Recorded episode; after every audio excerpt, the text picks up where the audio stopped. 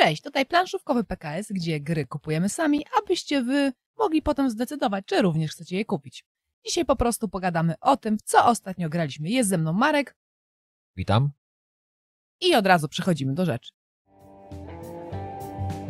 Czas na grę wydaną przez Falanksów, a wszyscy dobrze wiemy, jak Falangsi wydają gry, mają straszne opóźnienie, na Freedom też trzeba było długo czekać, a jakość wydania tych gier, no jeżeli kupiliście Total Domination, to wiecie, jakie tam są figurki, jak należy na tym płakać. Tutaj na szczęście figurek żadnych nie ma, za to mamy ciekawą grę. Jest to Freedom od autora, którego możecie kojarzyć z Hegemony. Tuż, tuż niedługo będzie wydane przez portal po polsku. Na szczęście nie muszę wypowiadać jego nazwiska. Jeżeli chcecie usłyszeć, jak to robię, zajrzyjcie do naszej recenzji Hegemony. I o co chodzi z Freedom? No mamy Turków, mamy Greków, mamy powstanie, gra wojenna. I co ważniejsze, nie jest to gra ani trudna, ani nie wymaga od was pochłonięcia 40-stronicowej instrukcji. I jest to bardzo, bardzo dobry tytuł. Tak, tytuł mi się podobał. Co prawda nie powiedziałbym, że to jest bardzo, bardzo dobry tytuł, ale jak na razie po tych naszych partiach rzeczywiście jest fajny. Dobrze się grało. Może zacznijmy od minusów, skoro Daria powiedziała, że to jest bardzo, bardzo dobry tytuł, żeby później zakończyć plusami.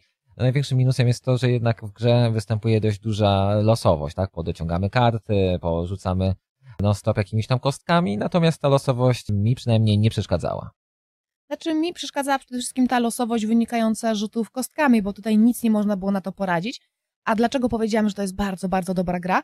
Dlatego, że ten system zagrywania karty, card driven game, jest tutaj naprawdę bardzo ciekawie zaprojektowany w ten sposób, że dociągamy karty ze wspólnego deku, możemy mieć karty przynależne do, do frakcji przeciwnika, ale mimo wszystko możemy je jakoś wykorzystać. Tak, pomimo tego, że zdarza nam się e, nie tak rzadko grać w gry wojenne, to ja akurat tej mechaniki nie za bardzo lubię, chociaż jest to chyba jedna z bardziej popularnych mechanik w grach wojennych, ale tutaj rzeczywiście została ona fajnie zrobiona. Fajnie jest to, że jak zagrywamy na punkty akcji e, kartę przeciwnika, no to on e, nie dostaje wydarzenia tak po prostu, tylko musi odrzucić z ręki kartę. Jest, jest to całkiem spoko. Tak, to właśnie mi się bardzo podobało, ponieważ możemy wykorzystać kartę przeciwnika na punkty, ale on też będzie mógł skorzystać z tego odrzuconego przez nas wydarzenia, jeżeli odrzuci tam kartę z ręki. No i tutaj jest fajne takie balansowanie, że z jednej strony chcemy na przykład odrzucić kartę, która daje dużo punktów akcji, no ale zastanawiamy się, czy te wydarzenie, które zazwyczaj jest mocne, nie da za dużej przewagi przeciwnikowi, który przy okazji będzie mógł na ten cel odrzucić kartę przypisaną do nas. Tak, tak. Oczywiście dalej chodziło o to, że chcemy zagrać kartę, która ma dużo punktów akcji, a nie odrzucić. Natomiast co do tych modyfikatorów, no to akurat Imperium ma pewne modyfikatory, pomoże odrzucać znaczniki złota, tak, i dostawać. No tak, plus jeden tam, czy tam plus dwa do trafienia przeciwnika i tak dalej, ale to nie jest aż coś takiego mocnego, co by przesądzało mimo wszystko o zwycięstwie. Nie wiem, przeszkodziło ci to jakoś mocno? No na pewno nie pomagało, ale rzeczywiście poradziłem sobie. Okej, okay, a teraz przechodząc trochę do plusów, to mi najbardziej też podobało się to, że gra jest niezwykle dynamiczna, że zasady są na tyle proste, jasne przystępne, ale też są dość ciekawe, że nie musimy na przykład wertować instrukcji i patrzeć, czy akurat, o, teraz muszę zrobić coś takiego, no ale muszę wykonać rzut na to, czy na pustyni jest słońce, czy jednak jest burza, czy cokolwiek innego, tylko to wszystko bardzo płynnie się po prostu działo. E, tak, tak. Karty pomocy graczy są całkiem nieźle zrobione, chociaż z tego co pamiętam, to tam jak graliśmy, to mówiliśmy, że mogły być tam chyba jakieś tam dwa elementy dodane. Już nie pamiętam, co to było, ale rzeczywiście czegoś tam brakowało, ale oprócz tego było w porządku. No, a sam tekst na kartach jest też dość jasny. Dość szybko się to w swojej turze zagrywamy te karty, robimy jakieś akcje, bo rzeczywiście mechanicznie jest, jest dość e, prosto, natomiast rzeczywiście mamy też dużo jakichś swobody w tym, co, co zrobimy. Znaczy, przynajmniej Turek ma dość dużo swobody, bo Grek tam musi sobie siedzieć i bronić. No tak, ale mamy, niezależnie od tego, jaką frakcją będziemy grać, mamy tam spore możliwości decyzyjne, ale dodam coś a propos tekstu na kartach, bo owszem, tekst na karcie, jeżeli chodzi o samą akcję, czy co możemy zrobić, jest zrozumiały, ale jeżeli wczytacie się w flaw fabularny, no to tam już tłumacz sobie trochę popłynął, nie robił to widać na kolanie, bo na przykład są tam takie teksty jak zbliżają się do ciebie okopy. No nie wiem, jak zbliżają się do ciebie okopy, to znaczy, że przesadziłeś z jakimiś substancjami aktywnymi. No tak, jakby było przynajmniej, że zbliża się las do murów, to przynajmniej byłoby wiadomo, że, że, zna, że zna Szekspira. Tak, dokładnie, więc flafik, no to można sobie tam podarować. Ale co tutaj jeszcze było ciekawego? Jeżeli ja grałam Turkiem, podobało mi się też to, że owszem, mogłam odrzucać sobie monetki na to, żeby tam mieć lepsze rzuty, ale musiałam też żywić i musiałam płacić tym swoim żołdakom i to wcale nie było takie proste, bo okazywało się, że nawet okej, już weszłam za te mury, prawie, prawie już zaraz wygram, ale potem się okazywało, że na końcu rundy miałam co płacić, traciłam morale, no i tak, to się kończyło smutno dla, Turaka, dla Turków. Tak jest. Ale na przykład do Wielkiej Porty chyba nigdy nie napisałaś, żeby ci wysłali kieszonkowe. Bo o tym w ogóle zapomniałam, a to też jest Wspominałem ci podczas gry. No ale to też jest strata akcji, mi się nie chciało, no i tam była taka sytuacja, że już prawie, prawie mi się udało, że już ci zabijałam te kosteczki. Jeszcze troszeczkę już wejdę, tam są tak właśnie takie fajne momenty, że już tuż, tuż jest to zwycięstwo, no ale jednak się okazuje, że zły ruch, nieprzemyślany plan, no i to się wszystko po prostu rozpada. Myślę, że to oczywiście gra będzie zyskiwać im więcej rozgrywek, tym lepiej, bo znane będą bardziej karty. Jeszcze właśnie z ciekawymi kartami jest to, że mamy jakby deck A i deck B. I one się różnią tym, że na początku dają chyba więcej Grekom, potem dają więcej Turków, więc ja miałam taką sytuację, jak przechodziliśmy z epoki na epokę i zmieniliśmy ten deck kart, myślałam, no nie, nie ma szans, żebym wygrała i tak dalej, nic się tutaj nie wydarzy, a potem się okazuje, że tam wchodzą mi ci najemnicy i tak dalej, sytuacja się odwróciła. Czy nie jestem pewien, czy to miało znaczenie, jeżeli chodzi o karty, natomiast na pewno te posiłki tych y, chyba E- Egipcjan, tak? Oni chyba byli Egipcjanami, no to rzeczywiście one pomagają mocno Imperium y, i rzeczywiście ta pierwsza runda wygląda w taki sposób, że to raczej budujesz sobie podstawy do, do tej drugiej. Tak, i właśnie ja jednak powiem jako z perspektywy Turka, że tak karty miały znaczenie, miały dla mnie tam silniejsze opcje, były mocniejsze po prostu i widać było, że są przygotowane idealnie pod to, jakby Turek miał po prostu gorzej i tak rzeczywiście było w naszej rozgrywce. Możliwe. Na, na pewno w naszej rozgrywce też miała troszeczkę losowość jednak znaczenia, bo ja dostałem e, właśnie w drugiej erze dwie karty, które dawały wystrzał naszej artylerii. E, Bo artyleria normalnie nie strzela w czasie e, akcji, tylko ma swoją odpowiednią fazę. No i jakbyś dostała te dwie karty, no to rzeczywiście lek miałby trudniej. Tak, ale zauważ też na to, że praktycznie rozwaliłam ci tę artylerię. W wcześniejszych rundach miałeś tylko... Czy to, czy tam rozwaliłaś artylerię, to tak mało miało znaczenia, to że musiałaś rozwalać mury, co nie? Ja sobie mo mogłem je odbudowywać, to miało chyba dość duże znaczenie, że, że twoje szturmy były takie dość mozolne. E, No dobra, jak widzicie, nie możemy się zgadać do tego, która strategia była lepsza. No, w pewnym sensie Marka, bo jednak wygrał, ale moim zdaniem no to los mu trochę pomógł. Ale mimo wszystko musimy powiedzieć to, że gra jest naprawdę dobra, nawet jeżeli, nie wiem, przerażacie się na samą myśl, o nie, gra wojenna, jakieś tam konflikty i tak dalej, to mimo wszystko warto ją poznać. Jest to świetny tytuł dla dwóch graczy, no i uważam, że po prostu warto go mieć w swojej kolekcji. Tak, tak. Trzeba przyznać, że rzeczywiście to jest całkiem łatwa gra. Nie jest to taka prościzna, jak nie wiem, jakiś tam DOS de Mayo, czy jak to tam się nazywało, ale rzeczywiście dobra na, na wstęp do gier wojennych. Gra jest szybka, można trochę tam po, pokminić i rzeczywiście jak na razie, jak na, te, jak na ten etap, bardzo mi się podoba. I na pewno zostaje w naszej kolekcji. Zanim przejdziemy do omawiania gry, pogadania sobie na jej temat, powiem Wam o bardzo fajnej akcji, czyli o poczcie planszówkowej. To jest taka inicjatywa, dzięki której możecie sobie na dwa tygodnie wypożyczyć gry, ograć, a potem przysyłacie je dalej. I ona bardzo fajnie się toczy, bo wiecie, czasami niektóre gry lepiej naprawdę zagrać u kolegi i my też, chociaż kupujemy naprawdę sporo, to mimo wszystko co do niektórych tytułów mamy takie podejście, no nie wiem, może, może kiedyś. No i poczta planszówkowa daje nam okazję poznania takich tytułów, które na pewno nie kupilibyśmy w pierwszym rzucie. I tak dzięki poczcie planszówkowej poznaliśmy ostatnio Plemiona Wiatru. Nie wiem jak ty, Marek, ale dla mnie to nie był tytuł pierwszego wyboru. No dla mnie tak samo. Tak naprawdę, jeżeli gdzieś tam przeglądałem jakieś strony o planszówkach i gdzieś tam ten tytuł się pojawiał, to po prostu przewijałem dalej. Tak, szczególnie, że wygląda on bardziej na grę familijną, rodzinną. Takie gry też są bardzo fajnie, ale to jednak już nie jest, może nie tyle poziom zaawansowania, ale typ rozgrywki, która już raczej nie jest dla nas, bo jednak wolimy trochę inne gry. A tutaj, mimo wszystko, wielkie zaskoczenie. Tak, wielkie zaskoczenie, szczególnie, że jak później tę grę mieliśmy zagrać, zacząłem czytać instrukcje, no to wszystko wskazywało na to, że to nie będzie nic ciekawego, a jednak Okazało się, że sama rozgrywka jest nie tylko interesująca, ale też płynna i dość oryginalna. Przede wszystkim ze względu na sposób jakby zagrywania kart. Mamy pięć kart dostępnych, ale u naszych sąsiadów widzimy tyły tych kart i od tego, jakie karty dobierą nasi sąsiedzi, rywale, przeciwnicy, to będziemy mogli wykonywać trochę inne akcje. tak, będzie to zależało od tego, czy w ogóle będziemy mogli zagrać jakąś kartę, albo na przykład od siły tej akcji tej, na karcie. Damy Wam przykład. Mam jakąś kartę, która pozwala mi kupić kafelek do naszego miasteczka, o ile mam mniej kart ognia od jednego lub dwóch graczy. Jeżeli mam mniej ognia od jednego graczy, to mam tam akcję do wyboru, ona jest trochę słabsza. Jak mam mniej od dwóch graczy, no to ona jest w tym momencie mocniejsza. Są- też karty, które zależą od tego, jakie my mamy inne karty. Na przykład nie mogę mieć żadnej karty lasu albo czegoś tam innego. I to naprawdę super i świetnie działało i pozwalało nam nieźle pokombinować. Tak, szczególnie, że pom- pomimo tego raczej, że, że w grze rzeczywiście jest jakaś tam losowość, bo nie tylko dobieramy te karty trochę w ciemno. Mówię trochę, ponieważ widzimy plecki tych kart, więc możemy się spodziewać, że karty wody pe- pewnie będą dawać nam wodę, karty ognia będą nam pewnie oczyszczać te terytoria, ale do końca nie wiemy, co tam będzie.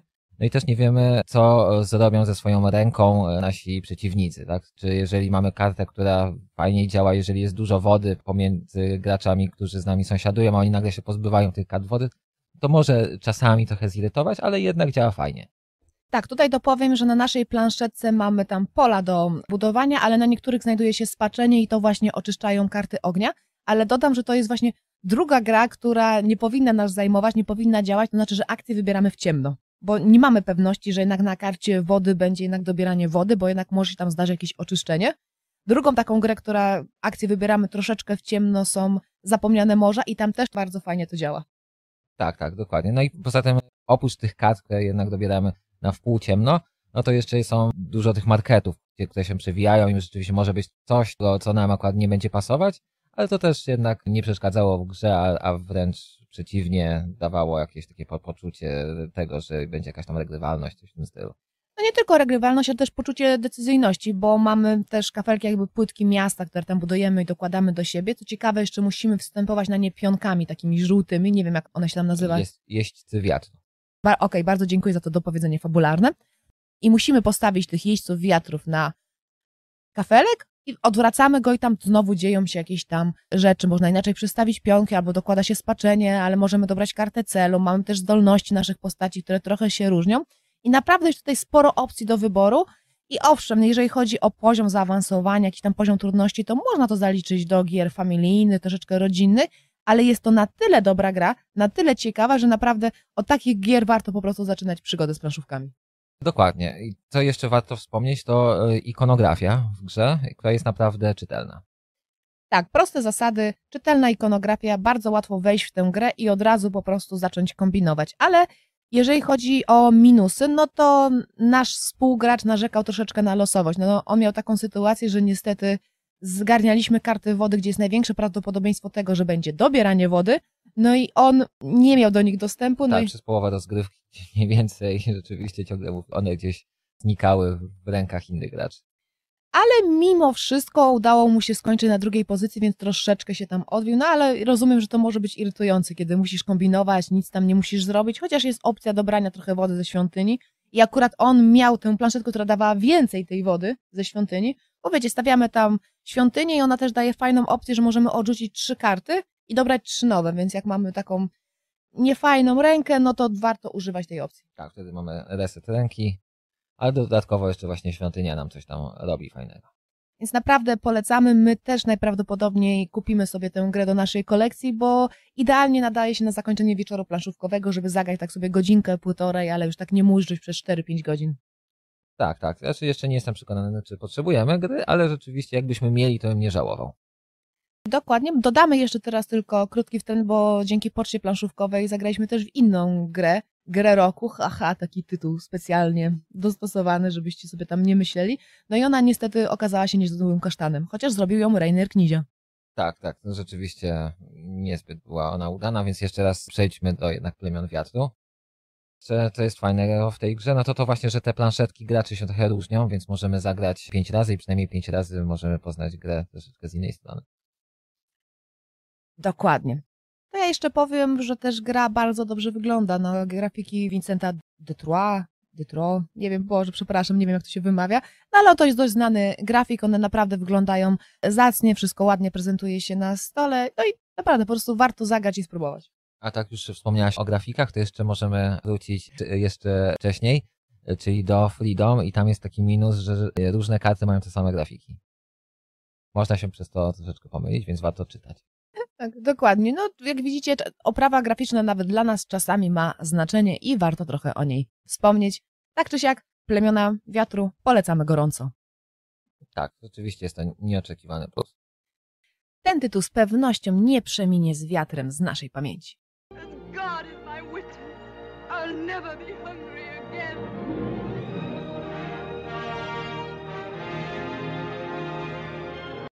Powoli zaczynamy ogrywać gry z Essen, trochę nam się tego nazbierało, ale na pierwszy ogień poszedł słynny Władimir Suchy. Szczególnie, że od pewnego czasu on ma coś takiego, że wychodzi mu bardzo dobrze co druga gra. Były na przykład świetne podwodne miasta, naprawdę dla mnie 10,5 na 10. Później, no, kiepska Praga Kaput Regni, bo niestety ta gra wyglądała w taki sposób, że było tam na tyle losowości, na tyle taktycznego myślenia, że w trakcie swojego ruchu nic nie mogliście przemyśleć, nic nie mogliście zrobić i po prostu na planszy działy się po prostu rzeczy. Następnie świetna Messina 1347, mamy nawet tutaj ją zrecenzowaną, zachęcamy do zerknięcia do naszego materiału. Tak naprawdę to nie wiem, dlaczego gra nie zrobiła jakiegoś większego szumu, ponieważ jest naprawdę bardzo, bardzo dobra. Znaczy, nie wiem, ale się domyślam.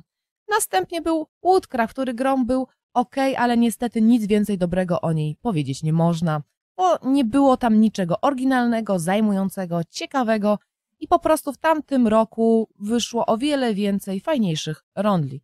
No i teraz wychodziłoby na to, że Evacuation powinno być tą grą bardzo, bardzo dobrą. I jak ci się, Marku, grało? Przede wszystkim jeszcze powinnaś powiedzieć o Shipyardzie, który też był fajną grą e, słuchego. A jeżeli chodzi o Evacuation, no to cóż, muszę powiedzieć, że pomimo tego, że gra jest e, monotonna, to przynajmniej jest nudna. Tak, i to mogłoby służyć za całe podsumowanie tego, czym jest ta gra. No niestety, te akcje tam są niezwykle banalne i proste. Polegają przede wszystkim na tym, od kup statek, kup stadion, kup jakąś kartę, postaw coś na planecie, wyprodukuj surowce, a o, a tam wyprodukujesz o dwa więcej surowców, o, i może się przenieść na planetę. No tak, ale największym minusem tej gry jest to, że nie zachęca do myślenia.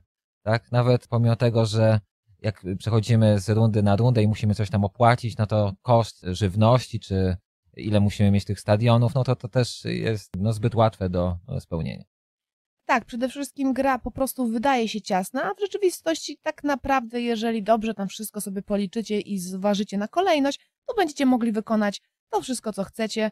I tak jak nie sądziłam, że można zepsuć mechanikę wyścigu, bo graliśmy podstawowy wariant i tym podstawowym wariancie to jest wyścig. Trzeba zdobyć odpowiednią liczbę produkcji trzech surowców.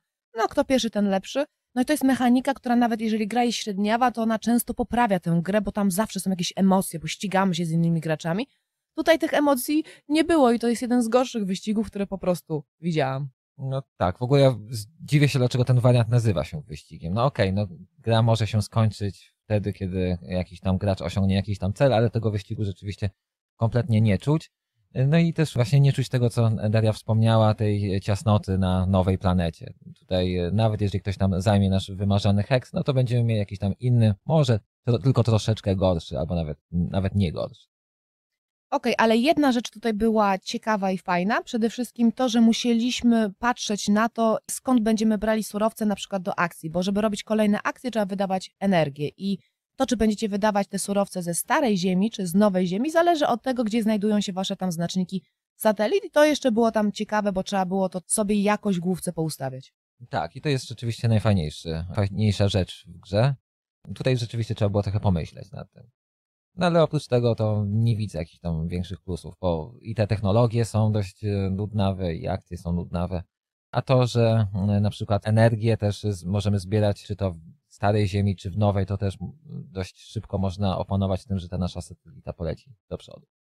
I to jest chyba najważniejsze, to co powiedziałeś, po prostu ta gra nie ma żadnej głębi. Te akcje, które wykonujemy są banalne i nawet jeśli jakoś tam je połączymy i tak dalej, no to nie wychodzi z tego nic ciekawego. Czasami mam wrażenie, że jak ktoś pomyśli sobie, o, bo gra trzeba tutaj sobie liczyć, bo tak, tutaj trzeba liczyć sobie, przewidywać na kilka tur do przodu, co skąd weźmiemy i tak dalej, co przemienimy z jednego surowca na jakiś tam stadion, czy tam zasiedlenie nowej ziemi, no to okej, ale mimo wszystko ja uważam, że oprócz tego przeliczania i tam planowania, to jeszcze powinien być z tego jakiś fan, a tego fanu tutaj po prostu nie było, bo to, co możemy zrobić, jest tak naprawdę to, co powiedziałeś na początku, nudne i nużące. No tak, i samego tego liczenia też tak naprawdę nie ma aż tak dużo, tak? Ta, ta gra jakaś nie jest na tyle trudna, jak się wydaje po usłyszeniu zasad, czy po przeczytaniu zasad. Tak, i co ważne, inni gracze, którzy siedzą z wami przy stole, mogą tutaj być po prostu statystami. W ogóle was nie interesuje, co oni robią, co oni będą dokładać, bo i tak, jeżeli, nie wiem, zajmą jakieś pole na Nowej Ziemi, to bardzo szybko znajdziecie jakieś tam podobne pole. I tak naprawdę tutaj jest interakcja na poziomie zero. No tak, właśnie to mnie chyba najbardziej zaskoczyło, to, że tak naprawdę ten wyścig o pola na Nowej Ziemi tak naprawdę praktycznie nie istnieje. Tak, no bo jednak coś tam jest, ale mało, bardzo mało tego, tego ścigania się o jakieś tam najlepsze pola, czy wymarzone pola. Tak.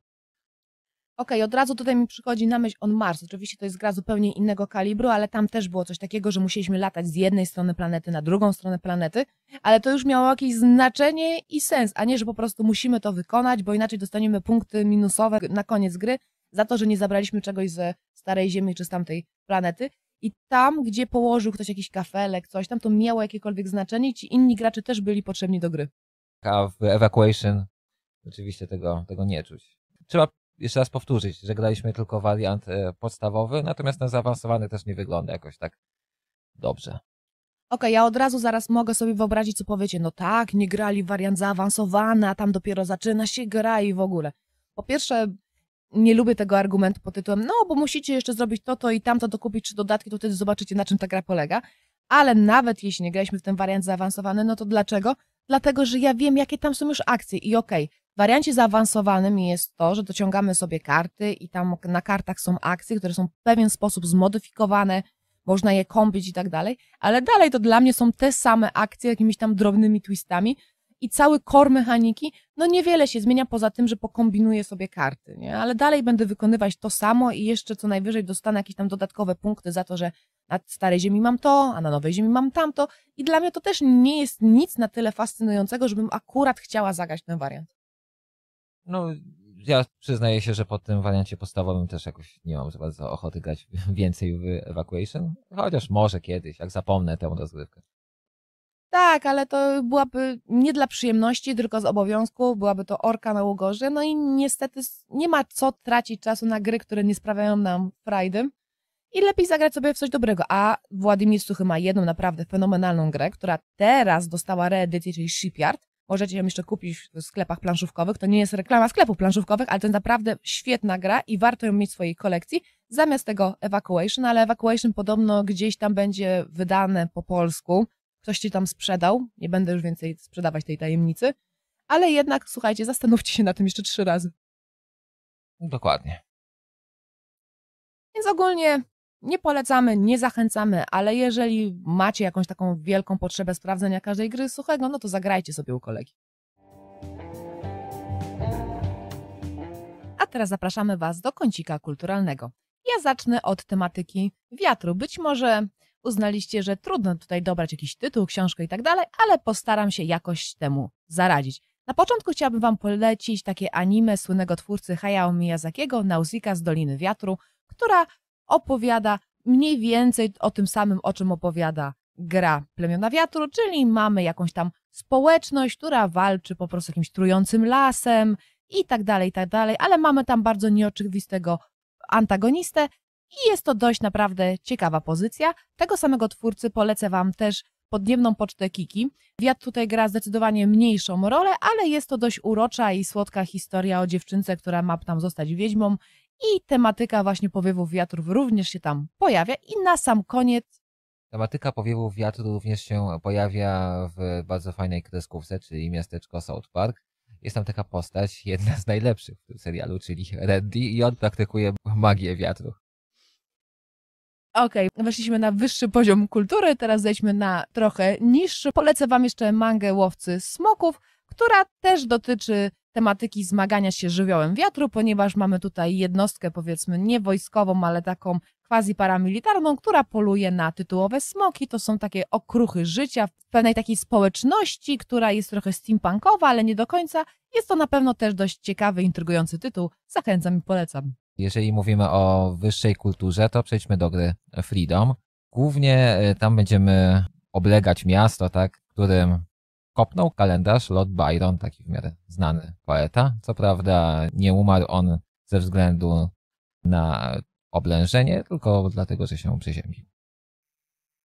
Natomiast jeżeli chodzi o grę Evacuation, to chciałbym wam polecić film Nie patrz w górę z naprawdę wybitną obsadą Leonardem DiCaprio, Jennifer Lawrence, Meryl Streep, Kate Blanchett. Jest to film, którym pokazuje się do czego zmierza dzisiejszy świat, jak wygląda dzisiejsza polityka. Kilka małych spoilerów, jeżeli ktoś nie jest zainteresowany spoilerami, bo ma zamiar obejrzeć ten film, wyłączcie ten odcinek, tylko najpierw zostawcie suba. Słuchajcie, film zaczyna się od tego, że Leonardo DiCaprio, podstarzały, już taki trochę zramolały naukowiec, razem ze swoją asystentką odkrywają, że gigantyczna kometa wielkości Mount Everest leci prosto w Ziemię i zakończy na niej życie. Co robią? Powiadamiają NASA, prezydenta. Okazuje się, że szefową NASA jest fizjoterapeutka, a pani prezydent ma to głęboko gdzieś, ponieważ wkrótce zbliżają się wybory i informacja o tym, że gigantyczna kometa rozwali Ziemię, może źle wpłynąć na notowania. W tym miejscu chciałbym pozdrowić e, panią Olgę Semeniu, która została przewodniczącą Rady Polskiej Agencji Kosmicznej, która z wykształcenia jest bodajże po studiach wschodniosłowiańskich. To sprawia, że jesteśmy bezpieczni, prawda? Oprócz tego chciałbym wam e, polecić jeszcze z takich trochę poważniejszych rzeczy, ale bardzo fajnych, inny kanał na YouTubie. Jest to kanał Astrofaza, w szczególności blog Pop Science, gdzie jest prowadzony przez autora tego kanału Piotra Koska razem z doktorem Leszkiem Błaszkiewiczem. Rozmawiają na bardzo specyficzne tematy, typu czy gwiezdne wojny mogłyby się zdarzyć w rzeczywistości, jak zbudować miecz świetlny, o tym jak terraformować planety. Cała masa bardzo ciekawych tematów. Niektóre odcinki mają po 2-3 godziny, więc jeżeli nie jesteście fanami kosmosu, nie oglądajcie, ale jeżeli jesteście, to i tak pewnie znacie ten kanał. Trzymajcie się, cześć.